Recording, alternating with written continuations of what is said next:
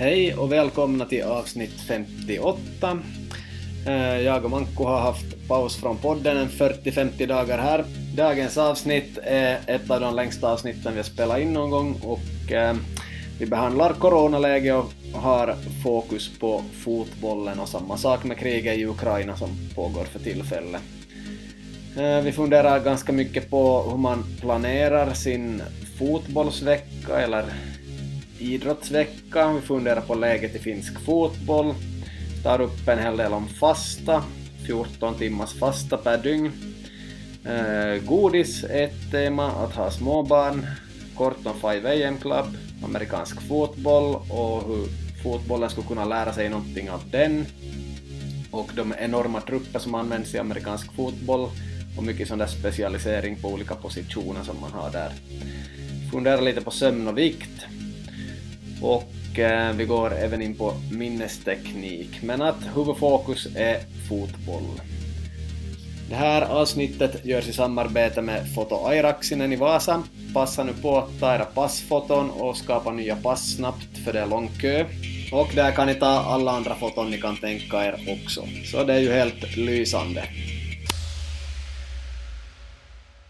Okej, Pesa och Manko är äntligen tillbaka efter ett ganska långt podduppehåll. Hur är läget med Manko? Ja, det är riktigt, riktigt bra. Du sa att vi är äntligen tillbaka. Är det någon som du har hört att skulle sakna oss? Nej, absolut inte. ja, nej men det, det har ju varit en bra podcast från början och säkert i fjol och sådär, men att i, i år har det ju varit lite trögt. Ja. Ja, ja, många avsnitt har varit eh, bra och några har varit medel och några har varit lite lägre nivå. Men att ja, det går att se framåt hela tiden förstås. Ja, hur har sportlovet gått och allt annat här sedan vi hördes för kanske en 40-50 dagar sedan? Ja, det har nog gått riktigt, riktigt bra det där. Det är vecka 28 så det där drabbades vi av det här viruset så då var vi lite, tog det lite lugnare men vi blev i skick sen till sportlovet och då var vi det där och, och skida, skida både slalom och terrängskidning med, med det där släkten i Isosjöte så riktigt, riktigt roligt. Okej, häftigt. Ja, jag minns att ni brukar ibland inte skida slalom ens fast ni får till fjällen. Ja, nej, har varit så tidigare men nu då de här barnen börjar bli det där större så, så lockar nog backarna nästan mera nu. Det där, så. Ja. Mm. Absolut. Vad är det för ålder nu? Det där, talar du om släkten eller mina flickor? Ja, no, dina döttrar. Ja, de är fy, fyra och sju. Ja, ja, no, men då kanske nog börjar gå till åk. Ja, ja, riktigt bra nog. Precis, ja. Något annat har hunnit göra senaste 50, 60, 70 dagarna?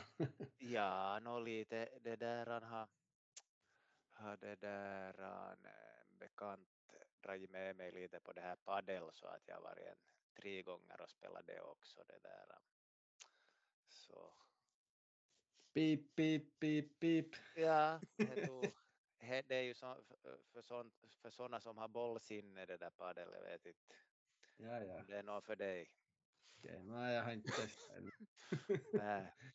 Nej. Som, som du kanske har sett jag skrev någon gång här nyligen så blir bara arg på då man ser hur många fotbollsspelare som har slutat med fotboll och börjat förstås gå på gym kanske och sånt men också syssla med padel och äh, det är ju en bra sån där ålder 26 eller 30 eller 35 år och, och lite äldre och, och kanske nog borde spela fotboll ännu så det skulle finnas massa spelare i division 3 och 4 och, och sånt men att ja om de slutar med fotis då börjar med allt det andra så minskar spelarna jättemycket. Men du har kanske inte slutat med fotis ännu?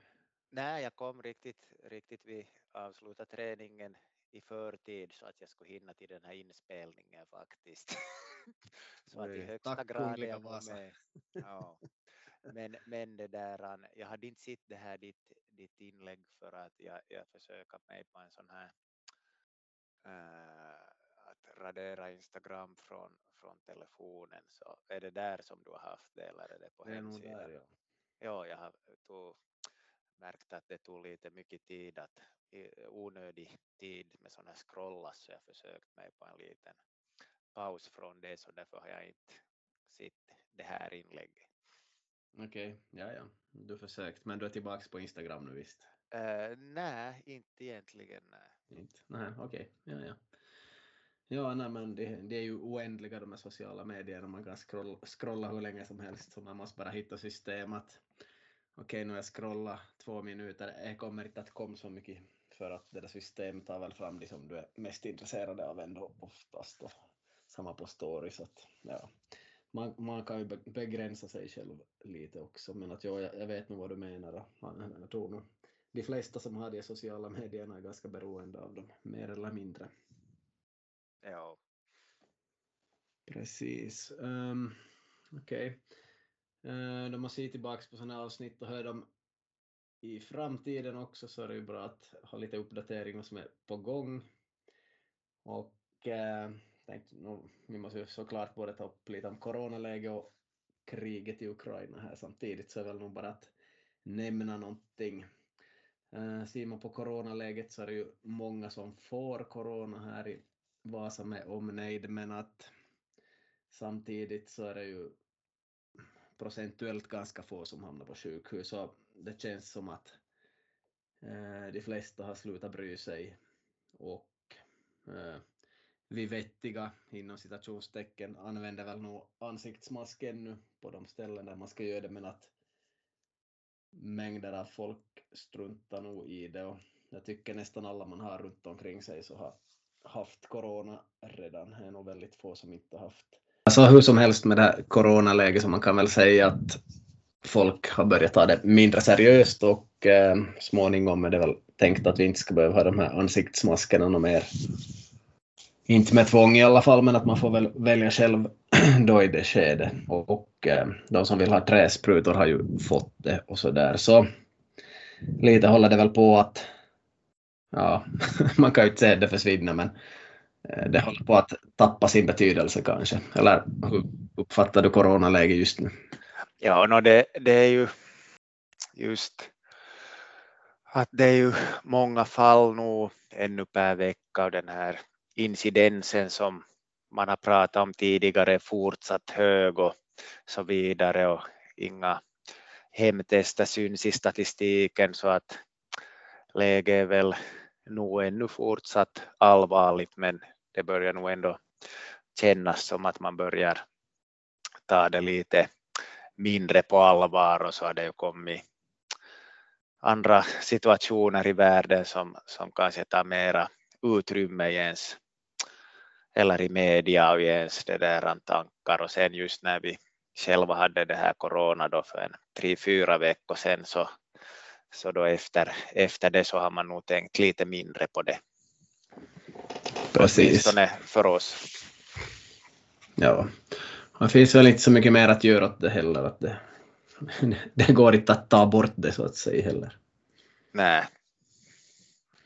Så på det viset kan man, ja, no, det är klart att det påverkar idrotten på så vis att om man kommer in i ett lag så blir det ju lite stopp där då ett tag, men att det är väl inte så lång karenstid heller, kanske det är nog fem dagar eller något, eller du borde väl veta som har haft det. Ja, nu för tiden är det ju, är det ju fem dagar om man, om man det där blir i skick där på efter tre dagar, så annars kan man väl vänta tills man blir, blir i skick om, om det går längre än fem dagar, men att det är nog mycket kortare än det här tio dagar som var tidigare och 14 dagars karantän som det var tidigare. Så att det har nog lättat upp rejält. Ja, karenstid var fel ord, jag yrar lite. Men att ja, och äh, är man frisk så är man med och är man sjuk så är man inte med, både vad det gäller jobb och fritidssysselsättningar. Ja, så har vi det här kriget i Ukraina som en katastrof att det pågår och eh, det är nog i allra högsta grad inblandat i en massa idrott också förstås. Hur har du tänkt och sitt på det här gällande idrott på sistone? No, det var väl just det där mest som man, man börjar, börjar se då när det kommer massa sådana här att man börjar utesluta folk ur, ur, ur tävlingar och så där så att man börjar väl tänka då kanske på de här individuella idrottarna då som har haft något visst mål men, men då på grund av att man hör till en viss nationalitet så, så får man inte vara med då men att, att det är ju det här en form av påtryckningar då som man försöker utöva mot, mot landets ledning. Så att det, det är tufft, tuffa, tuffa tider. Ja, drabbar enskilda idrottare hårt och man kan såklart tycka att det är lite så här orättvist och sånt, men att nu är det bara på det där viset så det, det hjälps inte. De får finna sig i att de är uteslutna. Vi får väl hoppas att det blir bättre småningom och till ett nytt år. Sen så förstås, eh, sen vet man inte med alla de här oligarkerna exakt vad som är på gång, men att eh, Roman Abramovic försöker de väl komma åt på något vis. Också och Chelsea är ju ganska låst, får inte sälja så de får typ inte betala löner och tanka bussen och allt möjligt vad har stått här på sistone. Så det är ju hur, lite häftigt. ja, det var, det var intress intressant då att först för, för det där ganska i början av det här kriget eller om det var före det till och med så hade han ju någon sorts uttalande och sen, sen då för en, om det är ungefär en vecka sen så gick han ju ut då att säga att han skulle sälja och sen det där han då för en tre, fyra dagar sen så kom det beslut på att alla tillgångarna var det där frysta i England så att det påverkar ju i allra högsta grad det här Chelsea och Premier League att vi har väl inte hört där ännu sista ordet. Det var väl något prat om något poängavdrag också vad jag har förstått. Mm, jag har nog bara att alla titlar de har fått här på 2000-talet. Ja. ja, det är knepigt och det förstås händer det nu då det här kriget har brutit ut, men att nu har man ju vetat om hela tiden att eh, Abramovic har känt Putin och haft en bra kontakt till honom och lyckats bra med sina försäljningar av vad det nu är, gasolja och någonting.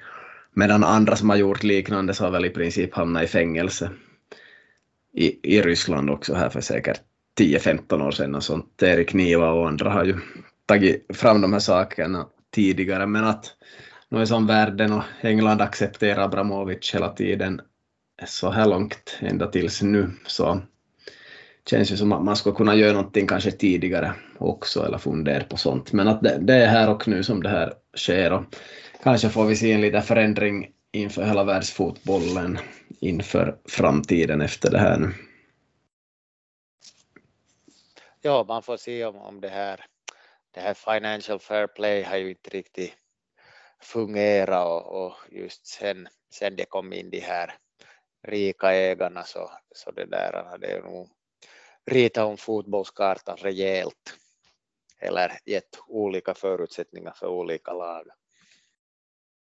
Mm, ja, så är det och eh, jag följer ju, jag är ju gammaldags, jag följer bara Arsenal och Manchester United på sätt och vis. Det, det är de som har varit där förr som de bästa lagen och Chelsea och Man City, jag ser inte, jag har aldrig sett så hårt på att de vinner en titel eller något som okej, okay, det är bara en massa sportswashing, massa pengar som tvättas och, och fixas med de två lagen. Nu har vi förstås Liverpool också som har blivit bra här på senare år och, och vad jag nu vet har det inte så mycket pengar från det hållet kanske, men nåja. Så Man City och Chelsea har jag nog alltid tagit med en nypa salt åtminstone själv också här. Men vi får ju se, kanske de håller ett öga nu på Newcastle och alla andra som ska börja ha såna rika ägare och, och lite mer sånt saudiska staten inblandad där då i, i Newcastle och, så vidare. Ja, det är ju en massa knepigt där med en massa politik och sånt, men att en sak är säker och det är att England går väldigt hårt mot Abramovic nu och de de sa att de kommer att vara hänsynslösa i sitt agerande, att det ska som riktigt ta sig med hårdhandskarna. Mm. Så det om det, och det kommer säkert att påverka allt möjligt här i framtiden, så helt vettigt att nämna det. Um, vi tänkte ännu på, här på inledningen diskutera någonting ännu. Och det var nog bland annat det här att ha småbarn var en av våra punkter vi hade skrivit upp här. Um, hur har du det med egen tid och tid för idrott och allt det här? Funkar det bra eller tar det upp mycket tid att ha små barn? Kanske inte kan jämföra med före du hade barn, men att har det lugnat ner sig med åren lite sen de var riktigt små? Ja, det, det kan, man, kan man nog det där säga och, och, och det där ändå är det kanske nog mera kvällstid som som gäller och just sådana här gym och sånt har ju upp nästan dygnet runt nu för tiden så att man kan, kan det där, försöka planera in och pass där då det där så, så att nu för tiden är det nog nästan mera har man nog inte någon orsak till att inte träna. Mm. Det är nog bara svepskäl i så fall. ja, ja, ja. ja, precis. Ja, jag hinner nog också träna och är oftast där sent på kvällarna och sådär, men att nu, nu är man ju ganska fast, det är ganska lite tid man har utöver jobbet att, att göra saker själv, speciellt om man idrottar då, att det far ju mycket tid. Och jag har ju en nollårig dotter som är ett halvt år nu och eh, fyller fyra här snart, så är nog är nog ganska fullt upp nu, måste jag säga.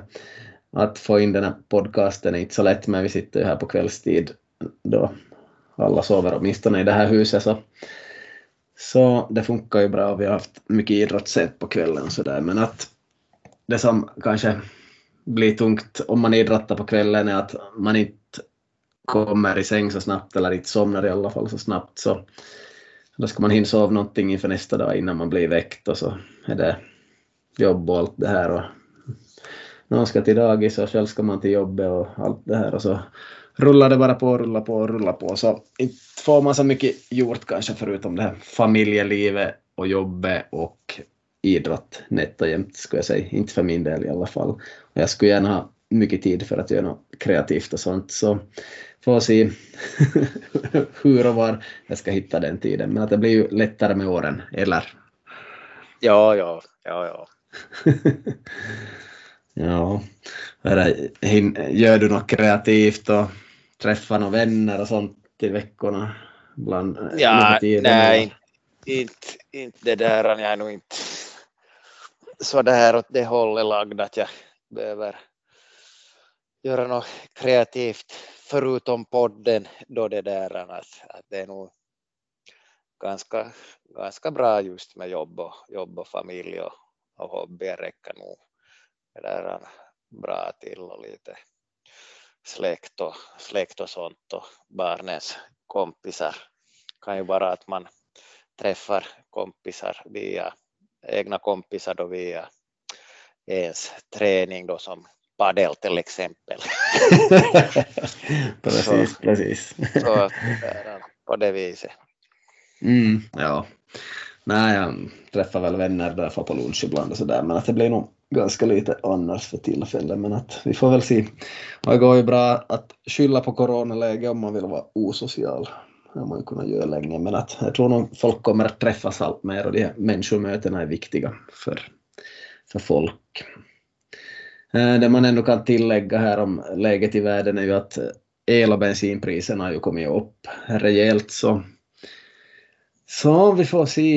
Eh, Kanske lönerna borde komma upp lite och olika sådana bensinersättningar och allt möjligt för att folk får mycket mindre pengar att röra sig med och, och handla för i slutändan. Då är fasen mycket pengar till bensin och el för de som behöver bensin i alla fall.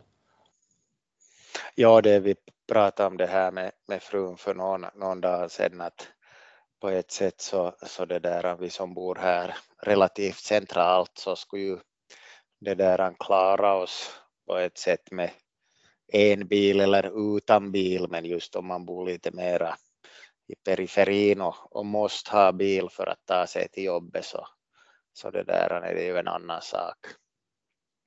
Mm. Ja, allt går senast då man måste, men att ja, det är nog mycket som är knepigt och folk kommer nog att ha mindre pengar att röra sig med småningom, åtminstone en viss samhäll, samhällsklass. Så vi får se vad som sker där och tänker man i idrott också så kilometerpengar kanske tränare och andra har så de där summorna kanske borde höjas småningom. Jag tror ingen har hunnit tänka på det varken till jobb eller till fritidsidrott, men att där, där skulle nog behövas en höjning småningom om det ska vara på det här viset.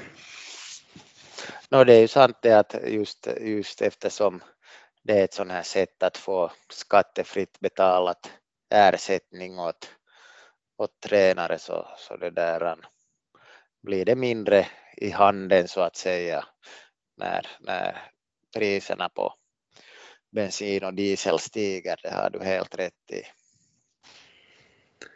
Ja, och eh, det här med samåkning tror jag kommer att bli allt mer aktuellt och säkert kommer det någon ny app för kollegor att köra mer samkörning och sånt också inom alla branscher och sånt. Kanske det redan finns, men att samåkning tror jag nog kan öka också.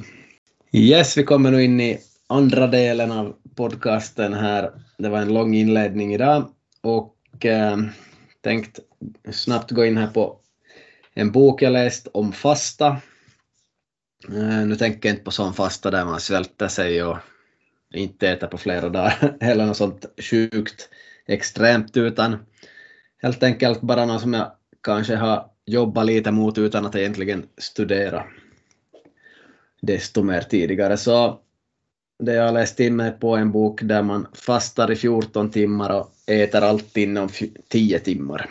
Dygnet har ju 24 timmar så blir ju liksom att man äter inom 10 timmar då kan man välja att man till exempel börjar äta 8 på morgonen och då kan man ju äta ända till klockan sex, Så då äter man allt mellan åtta och sex. och inte mer sen, sen 14 timmar paus.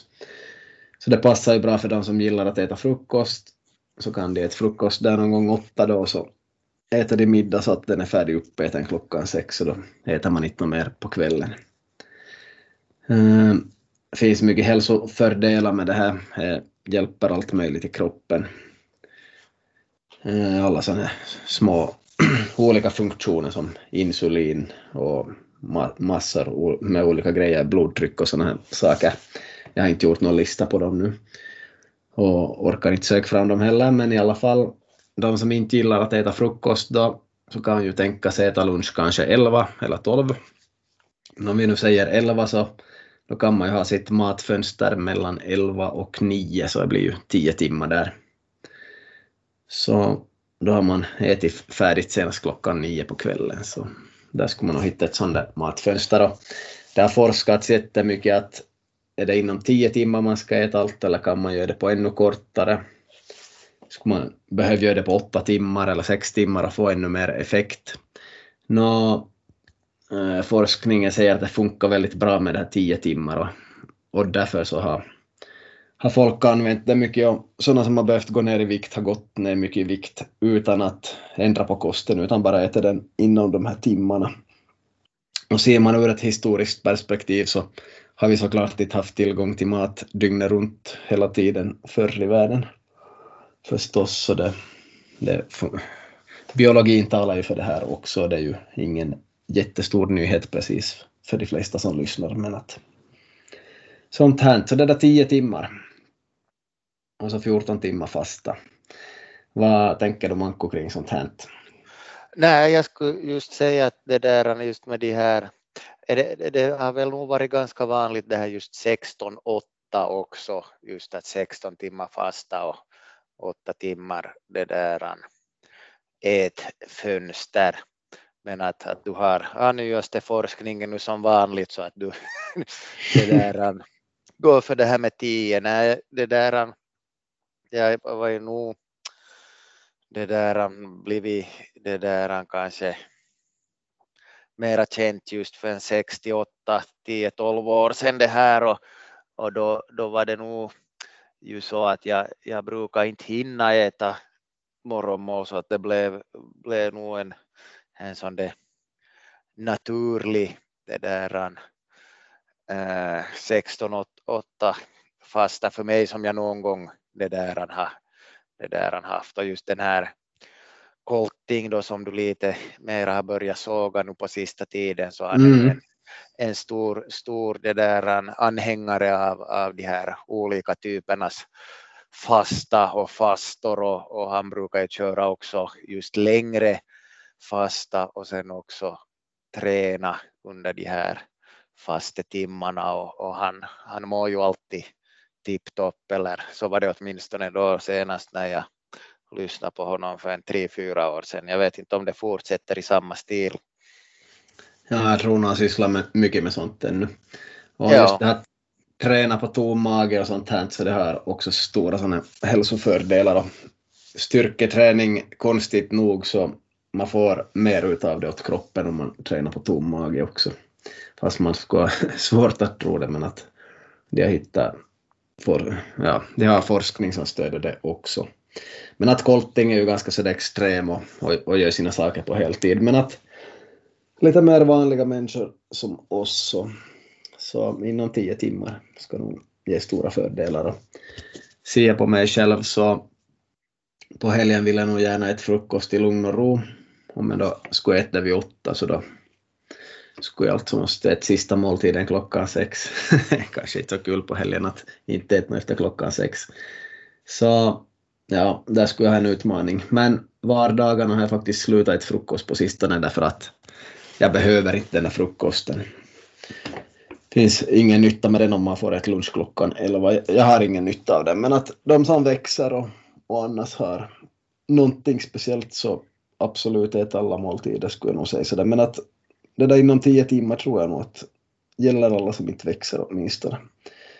Det skulle vara riktigt bra. Det finns nog mycket att tänka på där med de där 14 fasta timmarna då också att man får, man får nog som drick te eller kaffe men lägger man mjölk i så då har det redan farit, då räknas inte som fasta något mer.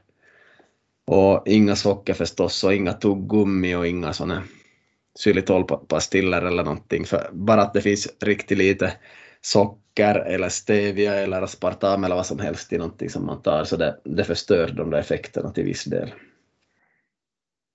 Mm. Så det är ganska mycket där att tänka på, men att det är ju enkelt i alla fall det här, så jag ska nog testa på det här allt bättre nu, men att det som stör är förstås att vi har kvällsträningar som slutar halv elva ibland och äh, då borde jag alltså inte äta efter träningen och att inta protein, eller som får något protein i sig och mat, så, så det, det är ju något som äh, det är bra för då får man ut mer av en träning. Så där kanske man tappar någonting. Så jag måste lite kolla med någon bättre expert där ännu kring det här med kvällsträning om jag ska äta något efter dem eller om jag låter det vara ända till klockan elva nästa dag. Mm. Ja.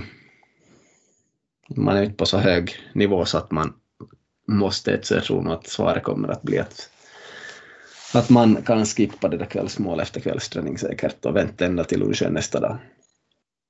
Ja, nej, jag tror nog det också. Det har varit varit just, just tidigare och har vi haft upp det här i podden också, just det där med att hur viktigt är det att äta då direkt efter träning och vi kom väl till konsensus att, att det där om man tränat, det nära till det att man ska träna nästa pass så då är det viktigt att äta men att annars kanske man kan fylla på de här depåerna då vartefter just vid nästa matfönster men att vi får se sen när du kontaktar din expert.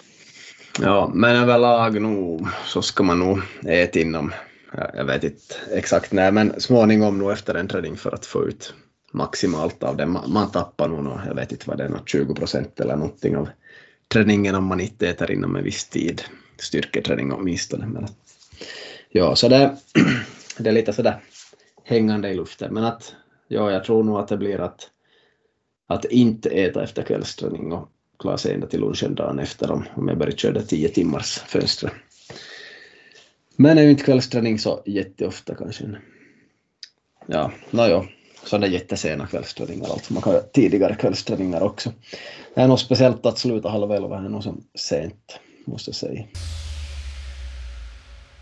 Sen tänkte vi diskutera lite om det här med att planera veckorna och matcher och träningar och sånt. Har eh, bekanta inom idrott som säger ja om jag får någon som sköter, kanske de säger så det dagen före eller skriver någonstans om, om jag får någon som sköter, alltså sköter barnen.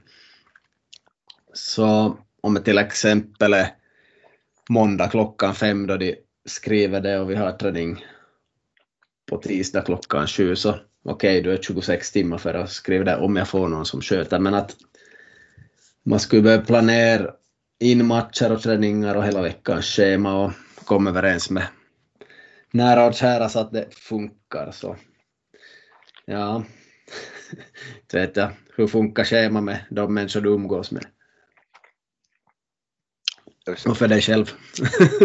ja, ursäkta här, det tar lite längre att, att svara. Jag sitter och inmundigar några berlinermunkar här nu som inte fick billigt från, från lokala K-butiken. Det, där. det var dagens eh, bakverk som de sålde tre för en euro så jag måste ta tre berlinermunkar då som jag sitter och mumsar i mig efter kvällsträningen på tal om, om det där energi, det är kanske inte så mycket protein men i alla fall. Ja, nej, ja, det där, jag tycker att det, det är ju så där att vet man att man har någon, någonting och, och det där så, så kan man ju nog försöka försöka då boka eller boka, boka och boka men, men fråga just det nu kanske mest.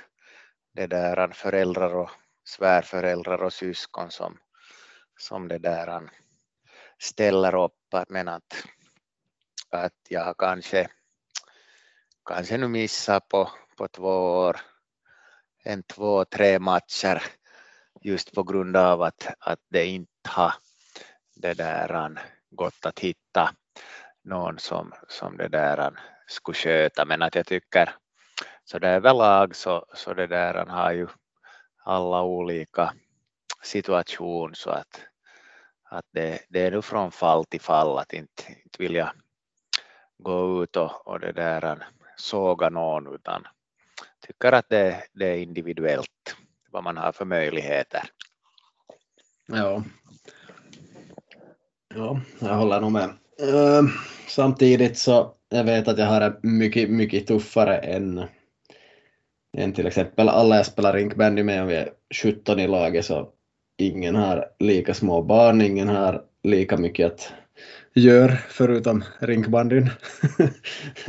Som mig i närheten så, så där ser jag nog, no, jag förstår ju att det inte är så lätt att rinkbandyt betyder allt för alla men att själv jag planerar mina veckor extremt noggrant, kanske packar rinkbandyväskan två dagar före för att jag vet att det kommer att vara väldigt tajt schema. Tejpa klubban då också, fixa så att jag kommer att kunna få på den där matchen allting. Sköter samtidigt till exempel fotboll två dagar i rad och massa planering och fixas kring det och alla kläder och, och allting. Så själv har jag koll flera dagar framåt alltid och kanske på, på en hel vecka i gången framåt. Så jag skulle gärna önska lite mer av, av mina lagkamrater inom till exempel rinkbandy. För att nämna fotboll där man ser folk också som jag vet inte, eh, jag, jag, vet ju var de går i skola vissa och jag vet att de inte har det så hårt men att ibland är det som att jag, om jag hinner läsa på tenten i skolan eller om jag hinner göra mina skolarbeten och sådär. Det är olika för alla människor men att det här med idrott är ju nog liksom ganska viktigt och är man med så är man med så då ska man nog göra sitt yttersta för att kunna vara där också tycker jag. Samtidigt har vi haft det coronaläge som har gjort att väldigt många människor har börjat slappa och sitta där hemma och, och det har varit svårt att få folk med också på fotboll men speciellt på rinkbandy och sådana andra grejer. så jag kämpar väldigt hårt hela tiden bara skicka på WhatsApp, pam, pam, pam, pam, pam, hela tiden försöka få med folk och värva in dem och hitta lösningar och vad det än har för problem får jag sitta och försöka hitta lösningar åt dem Och det har jag nu gjort i snart två år.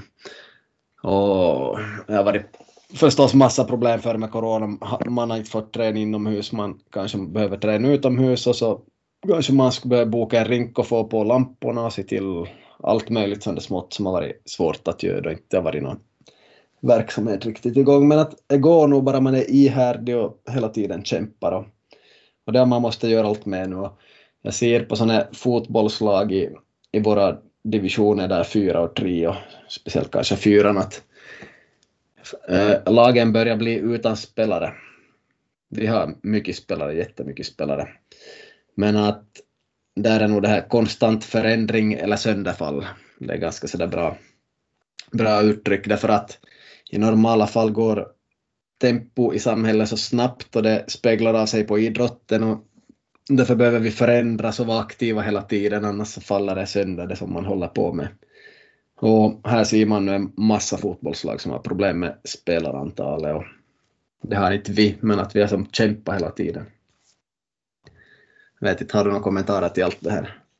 Ja, nej, min främsta fråga är ju just att, att hur många år ska pandemin och din, ditt rinkbandylag hålla på att falla sönder innan du ringer åt mig? har jag inte frågat dig en gång i år till och med? Nej, eller ja, kanske du hade ja, jag får, ja, jag har glömt det faktiskt, ja, ursäkta. Ja. Tänk det, vi var, vi var så illa ute en gång så jag till och med började dejta en träning. Ja, ja, då var det nog faktiskt tassigt. Ja, nej, vi har haft dåligt med gäng. Har till och med spelat tre mot två med målvakt här en gång. Det är det att eh, jag kommer en dubbelserie plus att vi har träning i ishallen och allt sånt här. Så ibland har det varit måndag till torsdag har man rinkbandy var, varenda kväll. och ska man vara bort någon träning eller match då så kan man ju planera det också på förhand att jag säger att okej okay, jag kan inte vara bort så många kvällar hemifrån just denna tiden så då planerar jag snabbt in att okej okay, uh, vilken match ska jag vara bort? Okej okay, jag är bort den matchen vi har mot lättaste laget så tror jag de vinner utan mig. Och så kan man kanske samtidigt kolla läget att är många andra bort någon viss dag så då är jag inte bort den dagen och så där. Så att man som hela tiden är aktiv och tar sitt ansvar och gör sitt bästa. Det bästa man kan och, och allt det här tycker jag är viktigt. Och de senaste två åren har nog hänt mycket. Och sen ser man mycket folk som har problem. I, jag ser ju såklart främst idrottare men att andra också Ehm, jag är inblandad på så många ställen så jag vet om det sker mycket självmord. Det gör det. Det har alltid gjort i Finland och i Japan är det väl om man ser globalt. Det sker ännu och jag vet om folk har mycket alkoholproblem, dricker mycket alkohol, sitter där hemma, får lite beroende och sånt, sådana som har kanske anlag för beroende. Så ja, sånt sker mer sedan corona kom, jag är helt övertygad om. Eh, folk som sitter hemma i lägenheten och röker sånt man inte ska röka, så det har ökat helt klart. Jag har kontakter för att höra sådana saker, för jag är i kontakt med så mycket människor hela tiden. Så då kan ju vi som sysslar med idrott göra vårt bästa hela tiden och vara aktiva och aktivera människor. Så, så hindrar vi allt möjligt sånt här. Och det är ju där idrotten har en, en bra roll i samhället att kunna fixa sådana grejer helt enkelt. Ja, vi tänkte gå igenom läget i finsk fotboll lite här. Säsongen är ju på kommande på alla nivåer och eh, som det ser ut nu så planeras det ju in att vi spelar en full säsong första gången sedan kanske 2020, eller hur blir det, 2019? Ja, det är ju säkert 2019 ja, att 2020 och 2021 så så var det lite så där dels en halv serie och sen förra året var det ju kanske två tredjedels serie med övre och nedre slutserie så åtminstone i, i våra sammanhang så att, så att men i år ska det bli 22 matcher i fyra. Mm, precis. Um, matcher blir ju inställda hela tiden, träningsmatcher. Man ser lite på det. De här VPS mot Ilves ställdes väl in och så här, men att överlag är nog tanken att allt ska spelas och gå bra så att säga. Och ju mer eh, det blir vår och sommar och alla de här lagen börjar träna utomhus istället för inomhus. Desto mindre corona tror jag och desto mer fotboll. Så det kan nog bli en ganska bra säsong och ganska normal skulle jag säga själv.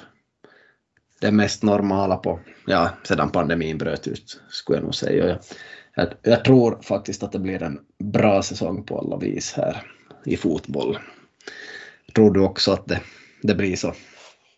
Ja, ja, ja det där, äh, no, det trodde man ju förstås också det där förra året äh, kanske, men att nu, nu i år så jag tror jag nog är nog förberedd på att det ska bli, bli det där en dubbla, dubbla serier och att, att man ska komma igång där i, i april med serierna. Mm, ja. Vissa nivåer börjar redan i mars. Jag vet inte, damernas division 1 åtminstone och säkert några andra börjar sluta på mars är jättetidigt men att de kanske har långa serier och förstås vissa juniorer kvalar till olika serier redan och sådär och spelar viktiga matcher. Men att ja, läget i finsk fotboll kan man ju nog konstatera att det ska vara helt okej. Okay. Och eh, vad gäller det ekonomiska, jag är inte så insatt om de har tappat mycket pengar, de här lagen på högre nivå. Har du någon insikt i det? Har det försvunnit sponsorpengar? Eller har de kommit tillbaks? Uh, ursäkta, jag var in på min andra berlinermunk här nu så jag, det, det tar en stund att svara. Jag har nog faktiskt ingen det där han koll på, på det här med så där om man skulle tillåtas gå på magkänsla så skulle man ju nog det där kanske gissa att inte, inte det är ju så att, att företagen det där sprider pengar och sponsoravtal omkring sig i de här osäkra tiderna så att, så att nog kan jag tänka mig att det kan vara, vara tufft ännu, ännu den här säsongen för lag på de flesta nivåer och också, också högre upp. Mm, ja. Uh, och speciellt nu då det här bensin och el har farit upp så det, det sabbar nog ännu mer. Annars kan jag tänka mig att många skulle satsa extra mycket pengar på idrotten då de ser att okej okay, nu, nu tar det fart med vårt företag, det går bättre och bättre och vi har mycket försäljning på kommande och export kanske och bla bla bla. Så att jag tror faktiskt att det skulle kunna komma in större pengar än det har gjort men att nu blir det nog en liten sån där aktsamhet i och med det här Ukraina-läget och, och de här priserna som har farit upp tror jag. Ja, man vet ju inte, inte alls ännu hur det kommer att utveckla sig det här läget. Det där i Ryssland och Ukraina och export hit och dit och så där så att det är väl nog fortsatt osäkert. Ja, inte, inte, inte var det enkelt ännu. 2020-talet har börjat riktigt tufft på det viset. Men att jo. Hur är läget med ert lag? Allt som vanligt ungefär eller? ja, nu är det det där ungefär kanske, kanske en det där äh, några procent färre äh, på träningarna äh, än, än tidigare år så att, så att det är nog bara att höra av sig om man är intresserad att komma med och, och spela. Att just det där, vårt, vårt lag har vi, har vi som så ålderstigen, det där åldersstruktur så att, att det finns, finns att alla prioriterar inte fotbollen lika mycket som du gör så att det där att det kan, kan nog vara lite frånvaro att, att vi skulle nog ha nytta av en större trupp än vi har för tillfället. Så att, mm. så att jag skulle väl säga att ungefär som vanligt men, men det där någon, någon procent färre deltagare kanske på träningarna hittills. Mm, ja. Um, ehm, ja, prioritera fotbollen. Jag har ju, har ju lite lugnare år just nu med fotbollen, men att det jag nog är med på så vill jag nog köra 100 procent i princip. I alla fall.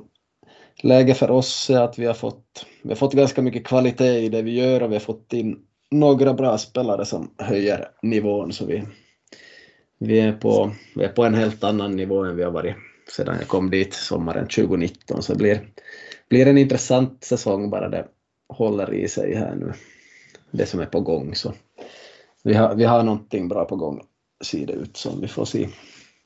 Och se. Vi håller på att göra kontrakt med alla spelare. Vi har kanske en tio kontrakt nu och resten ska göras här i veckan. Och, eller imorgon måndag hoppas jag. Och på onsdag kör vi igång något taktikmöte och, och tar sikte på serien som börjar, jag vet inte när den börjar, men ganska tidigt i år. Kanske runt 20 april eller något, något sånt.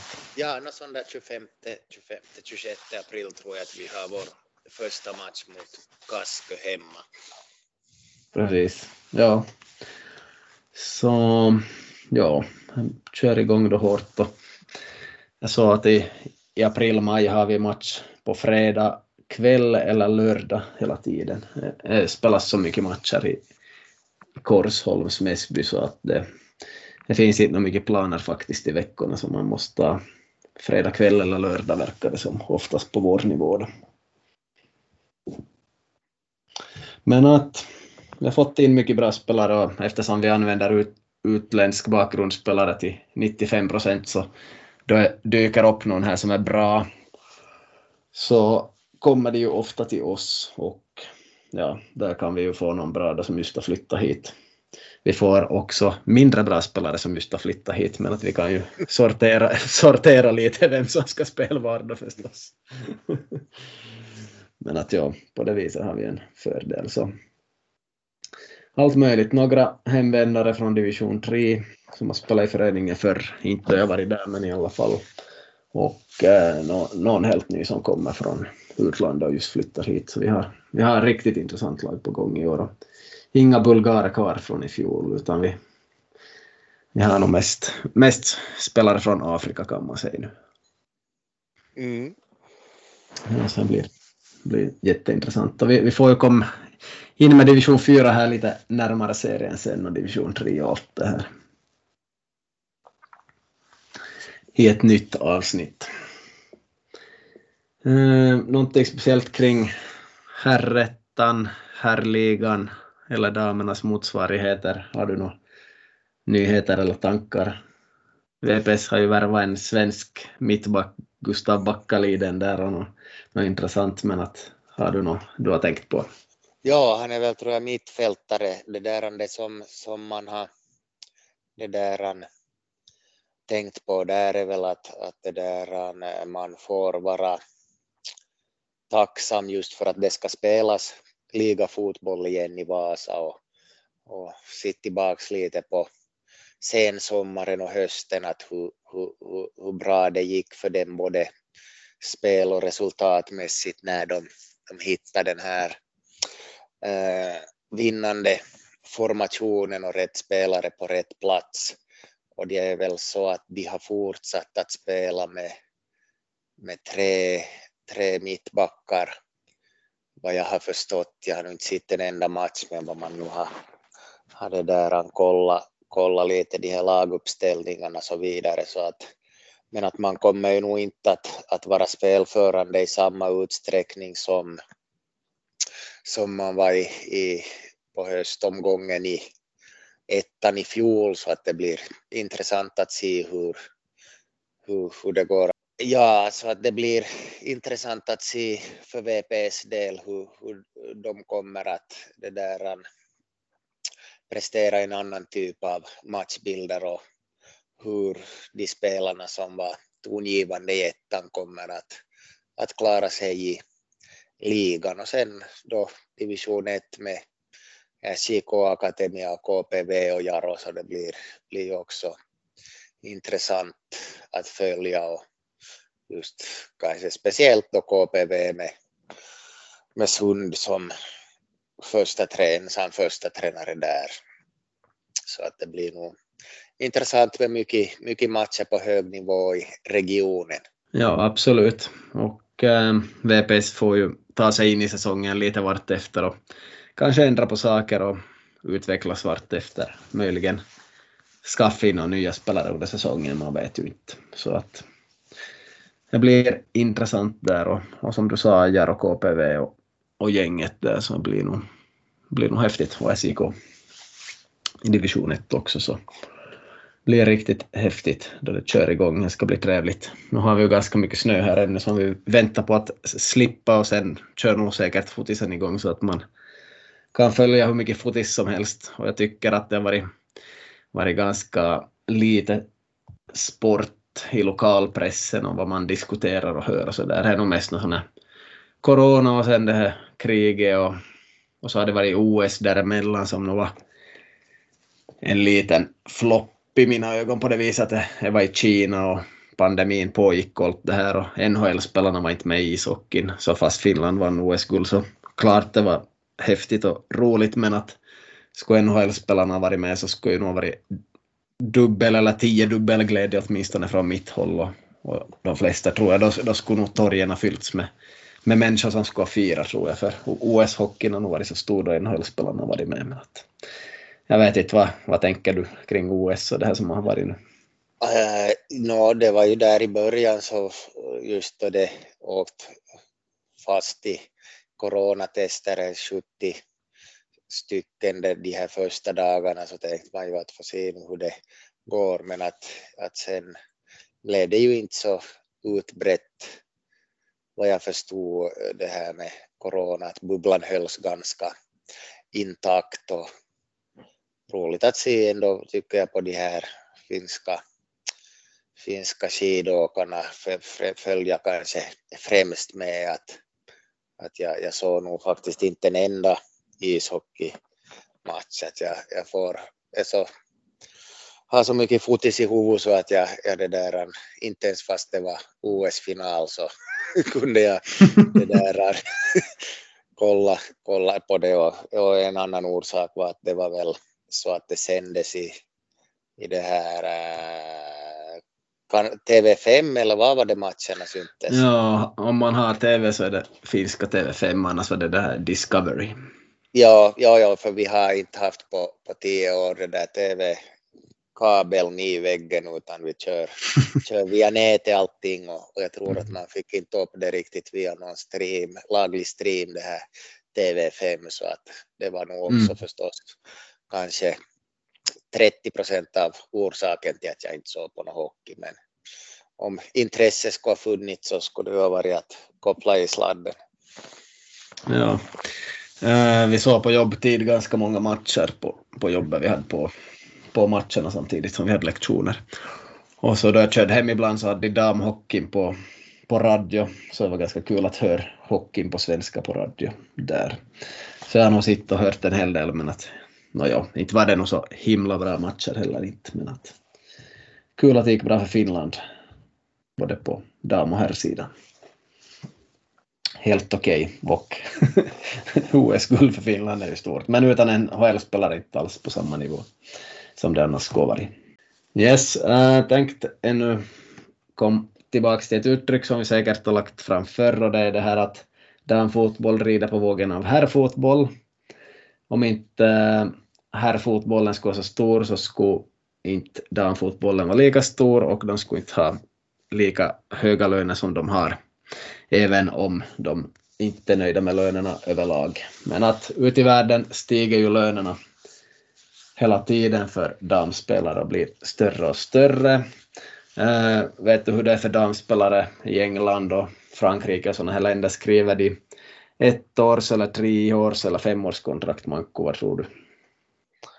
Uh, no, eftersom du frågar så skulle jag gissa på antingen ett eller femårskontrakt. Du måste gissa på det ena. Då gissar jag ett årskontrakt. Ja, det är just det att de gör korta kontrakt överlag för att lönerna stiger så snabbt så att skulle de göra något fyraårskontrakt eller något så, så då borde de få en massa löneförhöjningar som de inte får då så att, eller som att skriva korta kontrakt så det är ju synd synd på det viset att det inte blir så långa. Nu ser man den här Blackstenius få ut i Arsenal, Arsenals äh, damlag. Jag vet inte, hon skrev kanske tre år, två eller tre år och det är ändå ganska långt för att det kan hända mycket på den tiden men kanske hon fick helt bra avtal förstås. Nå, uh, vi har diskuterat det förr, vi ska inte gå in på det där samma, men att man kan jämföra då med att damfotbollsspelare i allsvenskan till exempel kanske Eh, uh, har det bättre ställt än både damer och herrar i många andra sporter. Säg innebandy i norska eh, ligan innebandy får de en klubba, också de som är på landslagsnivå. Klubban får de enda de får på hela säsongen i lön. Eh, du kan säkert jämföra med handboll och flera andra sporter. Så, så fast man inte är nöjd så, så kanske inte det är så dåligt att vara fotbollsspelare åtminstone i Allsvenskan och i många andra ligor. Men den diskussionen har vi haft förr. Men dit jag ville komma nu var att vad kan månne ske med damfotbollen och förstås herrfotbollen nu om oljepengar försvinner allt mer ur, ur fotbollen till att börja med kanske de här ryska oljepengarna och man vet ju aldrig om det sedan också leder till att mer sådana här arabiska oljepengar försvinner ur fotbollen eller att åtminstone olika sorters pengar som kommer in som har lite sportswashing i sig försvinner. Så vad tror vi då att händer Manko här? Äh, med äh, lönerna inom damfotbollen? Mm, och herrfotbollen. Ja, det är nog de här lönerna inom herrfotbollen så är nog stigit i det där äh, eh, väldigt, väldigt högt och flera hundratals tusen pund i veckan. Äh, och sen då att om man är just i en viss förening så, så, eller klubb så kan man ha, ha då 100, 100 000 pund mera i veckan fast man är många gånger, eller fast man är mycket sämre spelare än en annan som har hög lön så att, att det är ju, ja, jag har inte riktigt hunnit, hunnit det där, reflektera något, något mera inom det här men jag misstänker att du har några bra funderingar. Ja, no, inte har jag tänkt så mycket heller, men att okej, okay, här är fotbollen, nu kommer det att ändras och drabbas lite säkert om mycket ryska oljepengar och gaspengar och sådana oligarker och sådana eh, försvinner ur det och, och just om de börjar begränsa bort andra som sysslar med sportswashing mer eller mindre så nu, nu kommer det att ändra. Men att det finns ändå så mycket affärsmän och så stora produkter så inte tror jag det ändrar så mycket. Det kan nog ändra lite, men att inte allt för mycket. Det kan nog som minska lite, lite grann i sitt sena summa. Men att damfotbollen däremot så det finns nog en liten risk att den drabbas hårdare. För att eh, Chelsea har damfotbollslag förstås också och alla andra Man City och alla sådana här och det, de är ju stora också så jag vet inte, det kan nog försvinna en del pengar och PSG har ju stort, om det mot förmodan skulle börja ske något med de här arab-oljepengarna, men att okej, okay, vi har ju VM i Qatar här nu nästa vinter och så här så så jag tror jag det sker så mycket med arabernas oljepengar ännu, men att på sikt, jag vet inte, just det här kriget som är nu och att att man ska börja städa upp där i England lite så vi får se, det kan nog påverka allt möjligt, kan nog påverka summor och då i slutändan kan det nog påverka damfotbollen ganska mycket eftersom de inte har fått så jättemycket än. Så sjunker det där så kan det nog bromsa upp den. Medan i herrfotbollen det kan minska lite men obetydligt skulle jag säga där. Så vi får väl se om jag har rätt eller fel men att ett litet varningens finger där för att de storklubbarna i England och Frankrike kanske kan ha mindre pengar för damfotboll om två eller fem år, vi får väl se. Mm. Yes, vi hoppar sen över till lite olika småsaker här. Ja, en timme sömn mer per natt så det underlättar viktnedgång eller att hålla en bra vikt. Vad tror du man om det här en timme mer sömn? Är det något som människor lätt kan få in? Eh, det där, eftersom det är du som frågar så, så det där tror jag att eh, du svarar att det är en prioriteringssak. ja, jag skulle inte svara överhuvudtaget. Jaha. du får ju svara vad du tycker. Ja, no, det där äh, jag har nog kommit till här på sista tiden att, att inte gör man något riktigt mycket underverk mellan 10 och 12 på det där kvällen. Ja, no, det är ju du förstås, vi spelar in den här podden. så, ja, men det där, nej, ofta. nej, nej, det där så att, att och nu här efter, efter sportlovet så, så har vi, vi nog det där kommit oss och börjat sova just lite tidigare och det, det där är nog en bra sak det där att man, man inte lämnar och scrollar eller och slötittar på någon serie utan att man prioriterar sömnen att, att det är ju nog det där, den, den saken när det gäller hälsan som är väldigt, väldigt viktig och som, som det skulle gälla att ha i skick.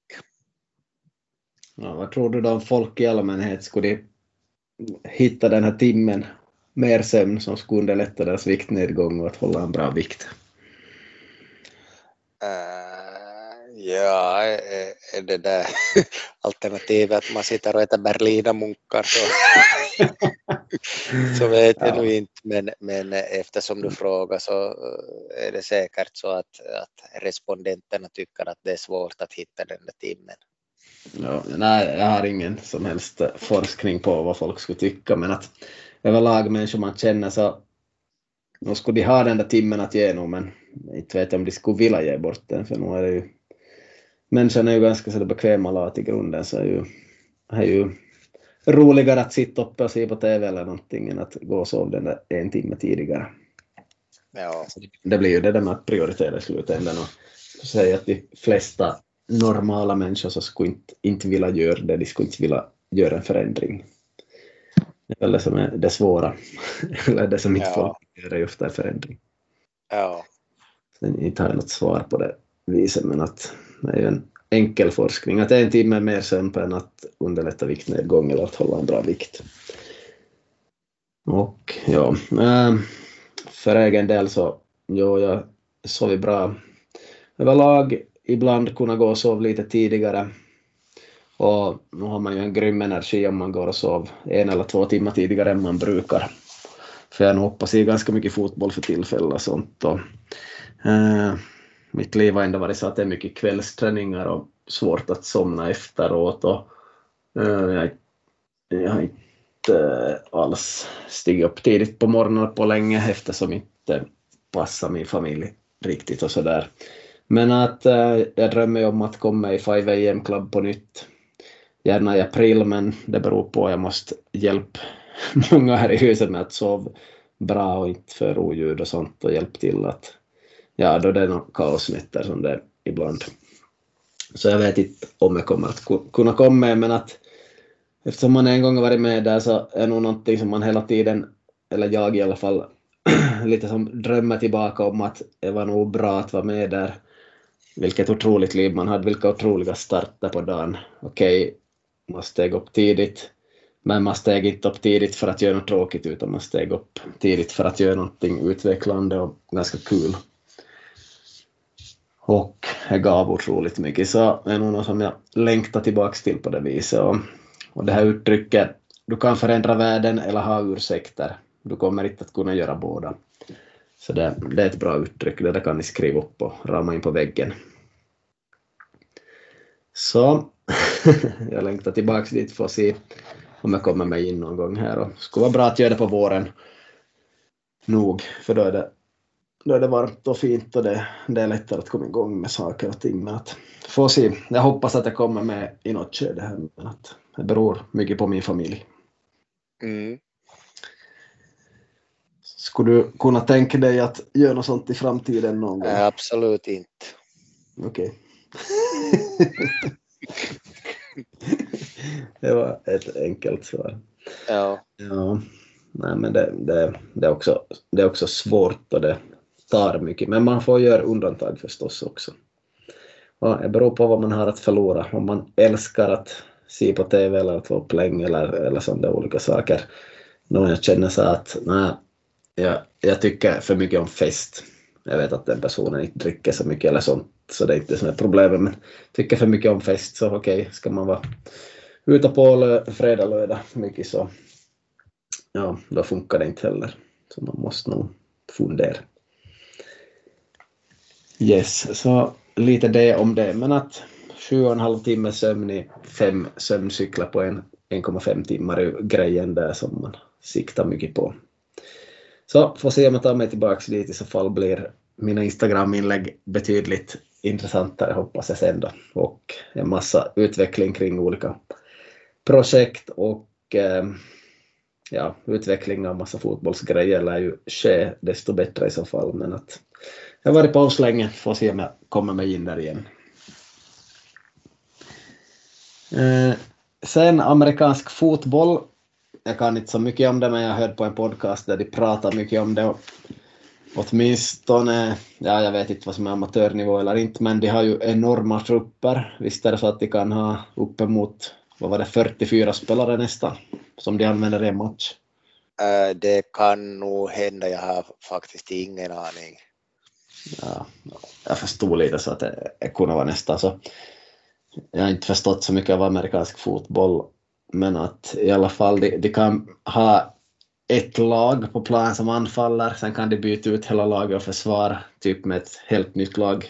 Jag minns inte ens hur många de är på plan, men i fotboll skulle man tänka sig att man skulle byta ut hela öppningselvan när man ska försvara ifall spelet är avbrutet. Släng in en offensiv elva då man har bollen. Det skulle vara helt grymt. Om man skulle jämföra lite där. Sen har de såna experter, någon kommer in bara för att slå vissa sparkar och allt möjligt sånt här och gör olika små moment i matcherna så är det nog otroligt mycket taktik, otroligt mycket spelare och stora trupper och förstås mycket pengar sen då det blir på proffsnivå.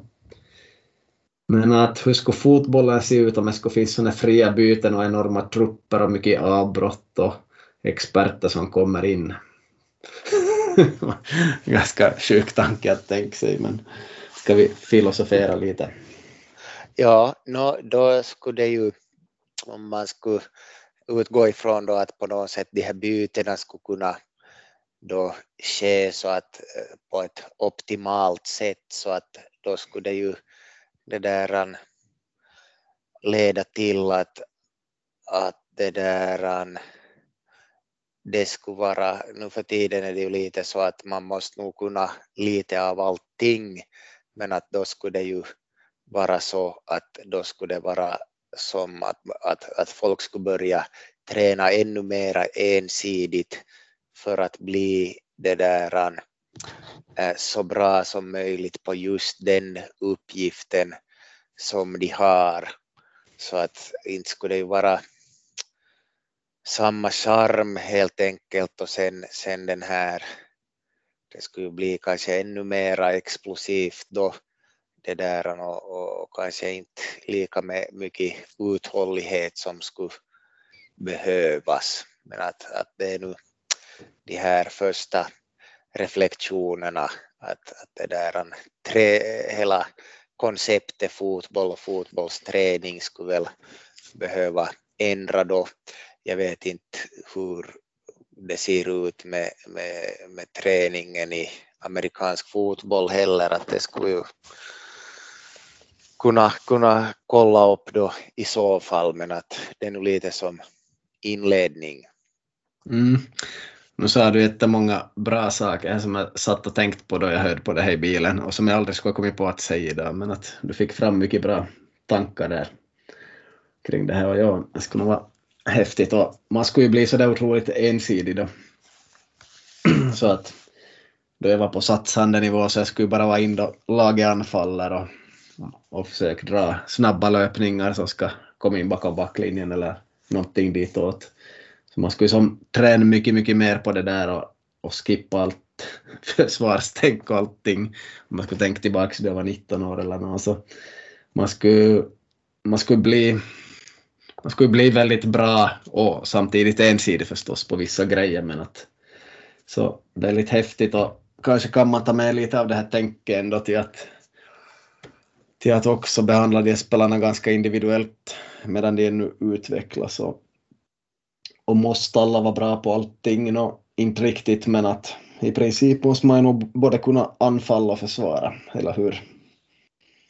Eh, ja, det är ju just, just det där det som, som eh, man får fundera och göra en, en prioriteringssak. Just att vissa offensiva spelare så det där kan man kanske ge friheter i det defensiva arbetet om det är så att det, är det där gynnar lagets resultat mest och bäst att, att det där man, man ger någon lite mera friheter eh, så att man ska vara riktigt skarp då när det väl gäller att, att göra mål. Men att det kan ju, kan ju nog också leda till, till slitningar om det inte är så att, att alla vet att det är det som gäller och varför det där någon har vissa privilegier som inte någon annan har. Så att Zlatan. Ja exakt, ja, jag håller på nu med den här, nu ska jag se om jag ser vad den, Adrenalina eller vad den hette den här ja. äh, boken och, och det var just det som jag talade med idag som det där han sa just om att, att en, en mästare måste veta sina begränsningar, att man kan inte köra fullt på allt utan man måste, måste veta när man ska gå fullt och när man ska lite spara på krafterna. Och det är ju det som, som Zlatan de här senaste fem, tio åren också själv har gått ut och sagt att han är inte så där som, som det där han gör alla mål och dribblar genom hela planen och mera utan han droppar gärna ner och, och hjälper, hjälper laget på det sättet mera som en playmaker. Mm. Ja, absolut. Och sen alla de här fasta situationerna skulle man ju kunna tänkas lös på olika sätt och med olika team kommer in ett litet inkastteam på ja, en inkastkedja som sköter om ett offensivt inkast och fixar vidare där och hörnorna skulle komma in i ett eget team och så har man den där frisparksexperten som inte kan spela fotboll överhuvudtaget men kommer in och sköter frisparkarna ja. och en som sköter straffar. Ja. och en grym målvakt som bara kan rädda fasta situationer, straffar och frisparkar. Ja. Ja, nej, det skulle, det skulle vara ganska utspårat, men att skulle vi ha då en sån där amerikansk publik som bara är där och äter, äter och äter och äter och dricker så nu skulle de säkert tycka att det är explosivt och fint och, och roligt, slutresultatet. Ja, ja. så, ja. Nej, men att väcka några tankar här i alla fall kring det där och ni får ju sätta er mer in i amerikansk fotboll om ni vill. För mig är det ju en sport där man är där de ofta är igång fyra sekunder fullt eller lite längre och så blir det paus och så rullar det kanske någon reklam om man ser det på TV och så äter de och dricker de här i publiken och så fortsätter det en stund till och så ja, det är nog det är någonting som jag inte har förstått mig så hemskt mycket på. Han nog spelade på Playstation någon gång och så därför var det mycket avbrott där också. så det om det. Var och en får sätta sig in mer i det själva.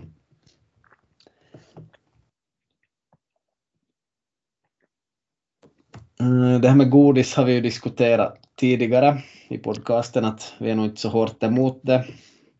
Att det, eh, finns betydligt värre grejer och eh, sånt. Och eh, det kom en fråga så här att kan till exempel lösgodis vara bra under en hockeyturnering med många matcher, fem matcher på tre dagar? Den här frågan kom nu inte åt oss utan åt en expert som jag följt i tio år, som har skrivit flera böcker om kost och är väldigt bra på att använda källor och forskning. Så i alla fall, så han skrev så här att det är lätt att förvara, energirikt, lätt att äta så man får i sig gott om energi mellan matcherna och mestadels snabba kolhydrater som fyller på glykogenlagren lite snabbare. Så visst, det har sina fördelar då annat uppfyller såklart samma kriterier.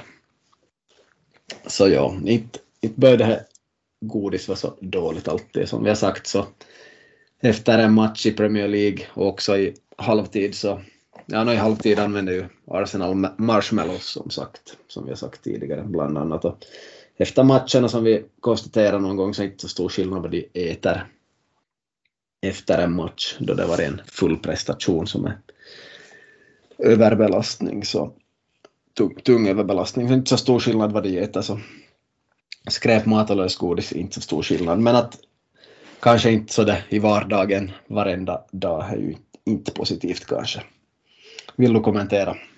No, jag satt just i mig här min tredje Berlinermunk så det känns, känns nog bra.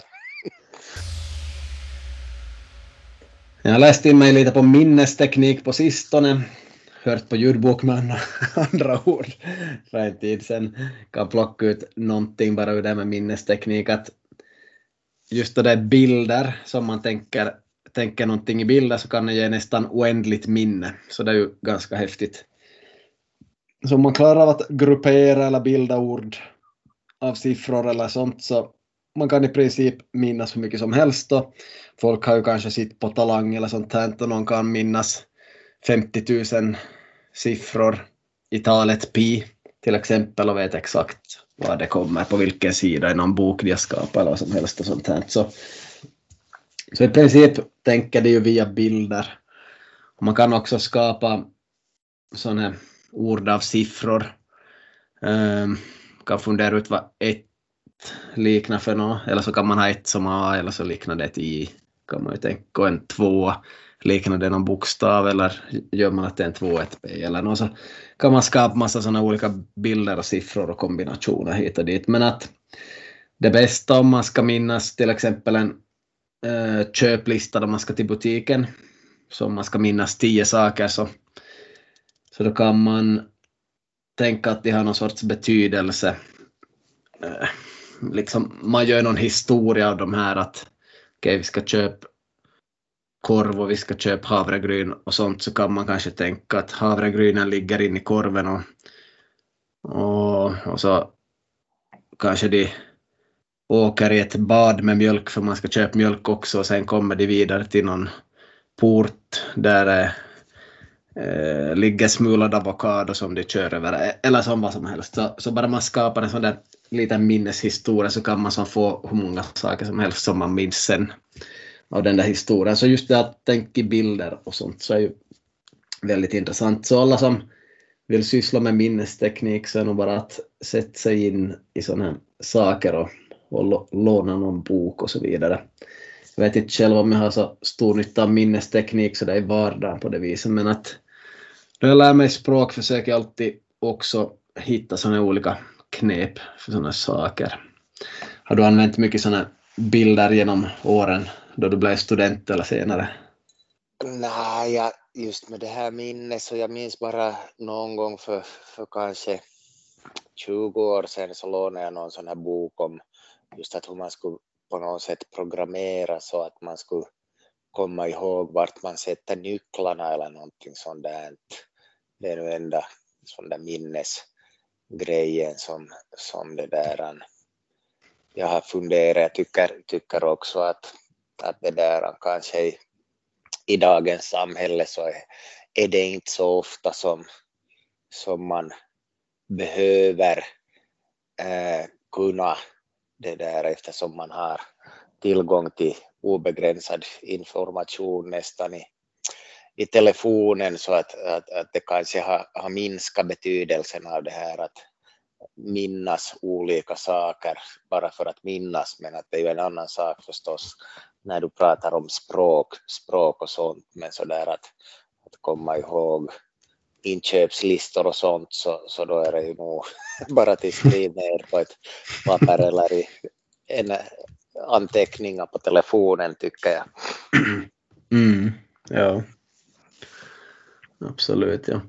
Eh, jag minns också hur en minnesmästare berättade just hur han skulle minnas de länder som är störst i världen eh, om man tar till ytan då är väl Ryssland som är störst så jag minns inte han hade någonting högst upp på huvudet som var eller är det Kanada egentligen kanske. No. Hur som helst, uh, han började uppifrån huvudet så till exempel öronen var någon lönnlöv för att tänka på Kanada och så man gick neråt var det något ryskt och något kinesiskt och något brasilianskt och allt sånt där på kroppen någonting hela tiden så att han, bara han kom neråt så ganska lätt att minnas de tio största länderna i världen då mm. på det viset.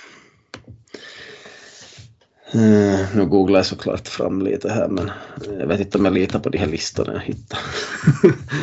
men, men det är som en bra, ett bra sätt att tänka bilden. Ja, Ryssland var större än Kanada och sen var det ja, USA och sen Kina. Enligt något jag fick fram men att ja. Så ja, nej, men just sådana saker är intressanta och jag tror säkert att många håller på att lära sig språk eller kommer i framtiden att lära sig språk. Så fundera alltid på de där orden att likna de någonting på ens eget språk som man kan tänka som en sorts bild. Um, på finska lärde jag mig månaderna ganska bra genom att tänka. Vi kör nu januari till, till mars. Då så Tammiko, okej okay, fanns en målvakt som hette Jukka Tammi.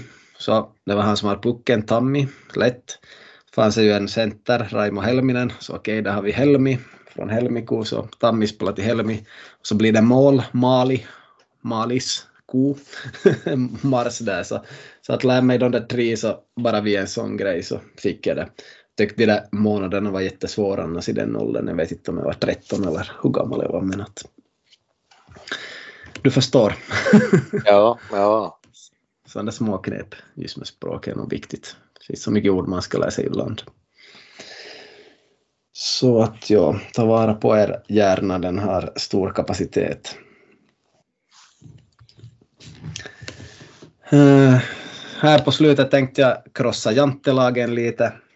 Nej, men att det har ju överlag varit så där här vi bor och, och säkert mycket i nordiska länderna att man, man ska inte gå ut så hårt med det man tycker och man ska vara lite ödmjuk och allt det här. Visst. Ja, ja. Och säkert har jag ställt mig i ledet ofta förr, men att om jag tycker att någonting på ett visst sätt så då, då säger jag ofta det och går hårt ut med det. Sen får man ju inte skryta och så där förstås så kan man ju undvika på olika sätt, men att just om jag varit med och skapat något eller satt ihop någonting som är till exempel forskning och, och inte och, och, och det har blivit bra, så då vill jag berätta det. Så då säger jag bara att ja, men det, här, det här är toppen, det här, det här bästa som finns på svenska just nu. Att det här borde ni få tag i, ni och ni som hör, hör till inom den här kategorin av tränare eller lärare. Det här är bästa som finns på svenska, det, det här ska ni ta. Och då jag går ut så där hårt så är ju inte jag som har skapat materialet oftast. Det är mer jag som har sammanställt det från tidigare forskning, så på det viset tycker jag inte att det är att skryta heller, utan det är ju de som har gjort det från början som har äran, så att säga. Det, det brukar jag också nämna. Men att jag, jag går ut stenhårt att så här är det. Det här är bästa som finns. Det här behöver alla. Och då är det lätt att få såna äldre, kanske släktingar, vänner och sådana som försöker bromsa en. Ja, men att fast du har rätt så man kan inte uttrycka sig på det där viset för att, för att folk slutar tycka om en eller folk tror att man är dum i huvudet eller något sånt. Och jag, jag förstår det där sättet att tänka säkert om man är född på 60-talet och tidigare. Jag vet inte hur det är med 70-talister men att jag förstår nog det där sättet att tänka men att ja, om jag bromsar där lite till att börja med. Känner du igen det här lite grann? Ja, no, nu, nu kan jag tänka mig att det eh, kan se ut på det sättet och sådär mm. Eh, lagom diplomatiskt svarat. Ja, ja. No, faktum är att det, då jag kör så här hårt så säkert finns det de som tänker lite som, som människan sa här redan, men att i slutändan har det nog visat sig som ett faktum att åtminstone för mig så den här, om man vill kalla det taktik, så det, det fungerar nog för att det kanske är tyst då samma dag, några dagar eller något, men att sen börjar folk ta kontakt och, och de kanske inte säger att de har läst det där, men att då är det någon som är intresserad av, av ens tjänster eller någon man har skapat mitt i allt bara. Man är som bara, ja, ja, okej, okay, jag ska fundera lite hur vi kan samarbeta här. Så det löns nog ändå i slutändan. Och dagens samhälle har blivit allt mer att man måste framhålla sig själv och skulle du få på jobbintervju däremot som inte är samma sak men att där måste du komma in med ganska bra självförtroende nu för tiden. Och, och eh, lite göra reklam för dig själv. Och det är ju inte så många andra som gör reklam för dig oftast. Klart om du har skapat någonting bra och, och de vet om det och är ödmjuka och, och gillar dig så då, då kanske de kan göra reklam för dig eller berätta att du har någonting bra och klart det händer men att överlag så man, man hamnar faktiskt att göra ganska mycket för sig själv nu för tiden. Och det där tror jag har kommit mycket och ökat mycket så jag kör nog hårt på det ibland om jag tycker att någonting är helt jäkla bra och jag ska varit med och gjort det eller gjort det själv. Men att alla som man har fått någon info på vägen måste man ju få fram någonstans att, att det är tack vare dem också.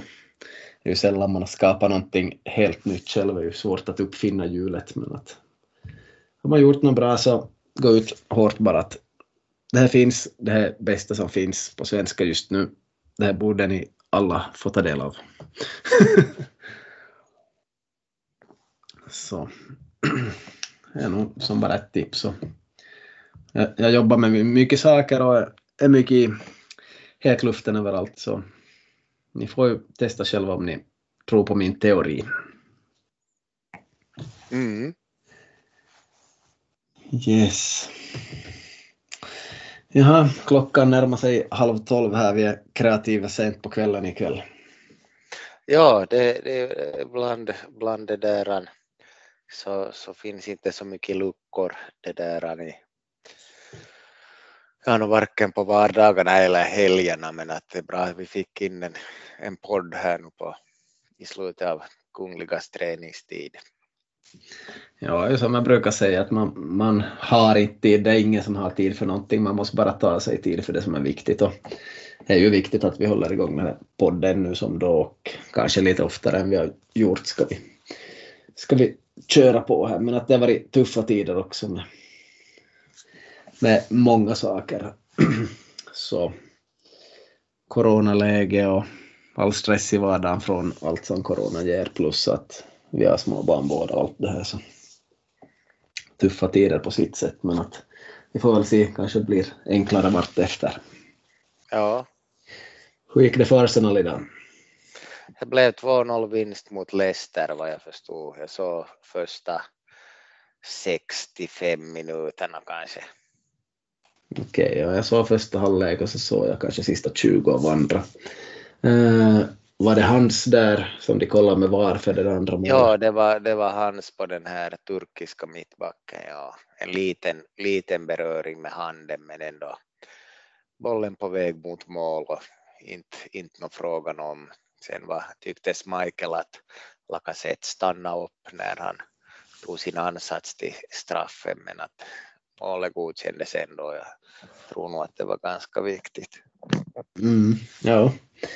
Uh, om man ser på tabellen så okej, okay, Arsenal ligger bra till om man ser på de lagen lägre ner för de har tre matcher mer spelade, både Man United, West Ham och Wolverhampton. Tottenham har spelat en match mer och är sex poäng efter dessutom. Så ser som bra ut bakåt. Uh, Chelsea var väldigt nära idag att kryssa med Newcastle. De vann nog 1-0 där till slut. Fick ett mål sista, ja, i 85 eller något liknande. Om vi säger att de ska kryssa Chelsea idag så då skulle de vara på 57 med två matcher med spelade än Arsenal så då skulle Arsenal kunna gå ikapp på två nästa matcherna. I och för sig ska Arsenal möta Liverpool, men att i alla fall Arsenal är inte så långt ifrån tredjeplatsen i år faktiskt, eller hur?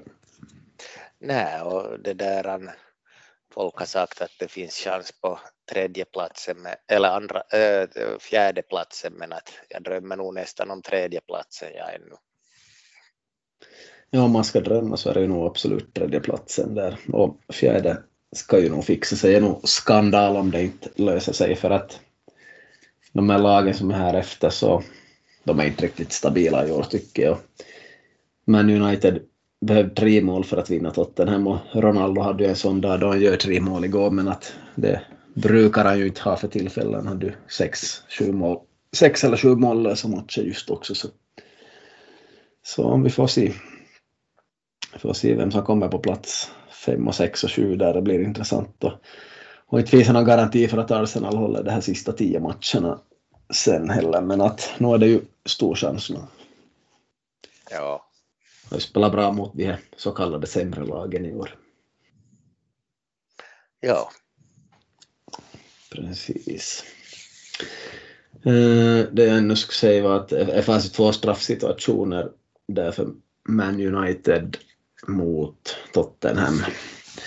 En som inte blev straff då Tottenham tog med armen men den var ju ganska nära kroppen och spelade ner i rörelse så väldigt ofrivillig medan den straff Man United fick emot sig så var ju nästan som att man leker målvakt eller boxare då man är där och slår bollen så där högt upp tyckte jag. Så jag tyckte nog att båda besluten var korrekta.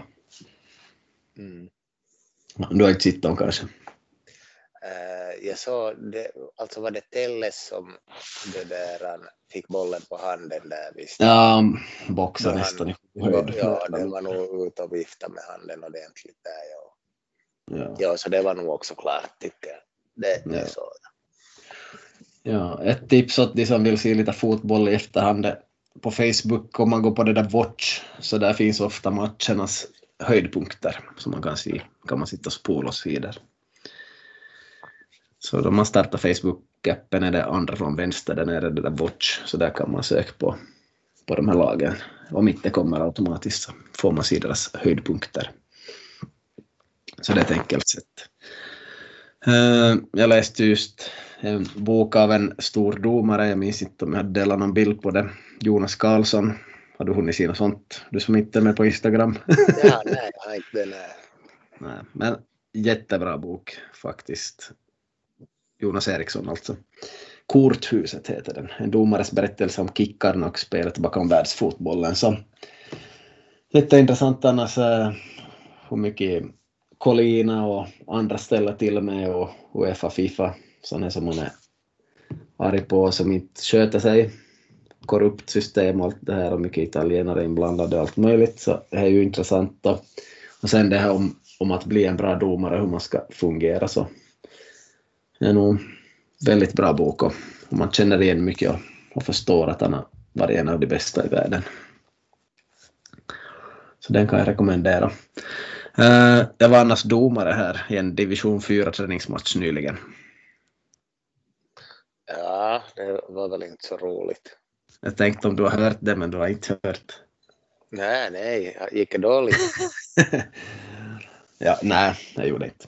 Det var vårt eget lag som skulle möta IJBK här och, och eh, vi tänkte vi skulle dra ner alla kostnader så vi använde egna domare. Vi, vi hade nog tre inom, vår, inom vårt lag som hade utbildning. Okej, min domarlicens var från år 2000 så det var ju ett tag sedan.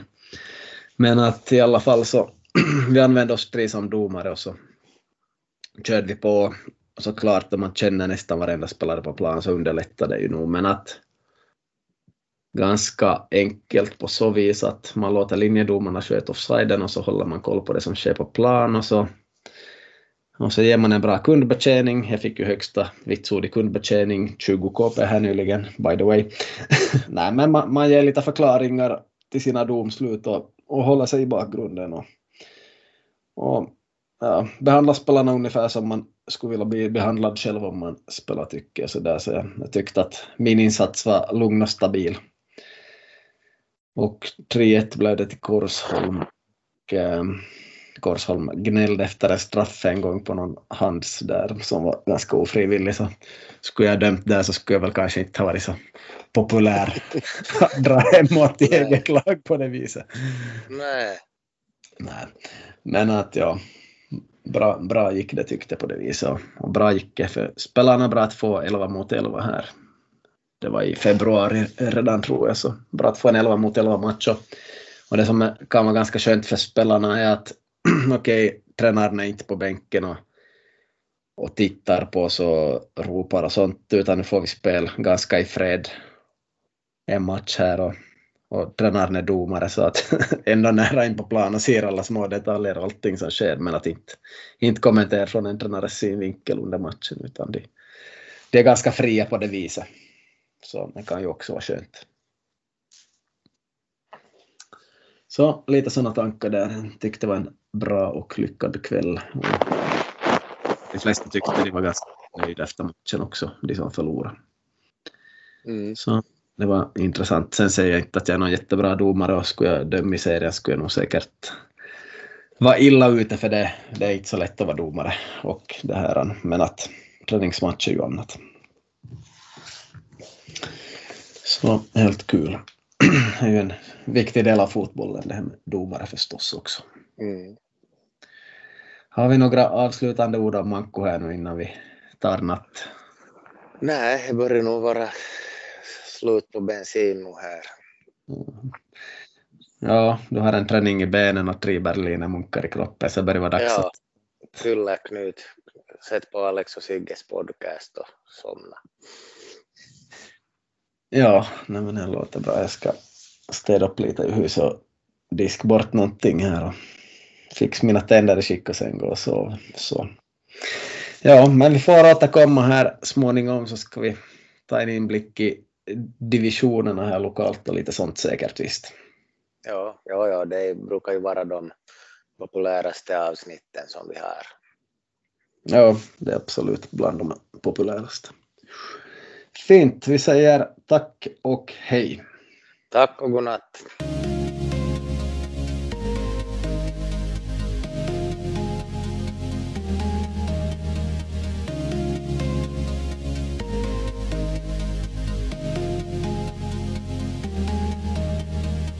Besök gärna Andreas Knips hembageri. Eh, de, de, de, som skidar så åker ofta förbi Andreas Knips hembageri i Kvävlax.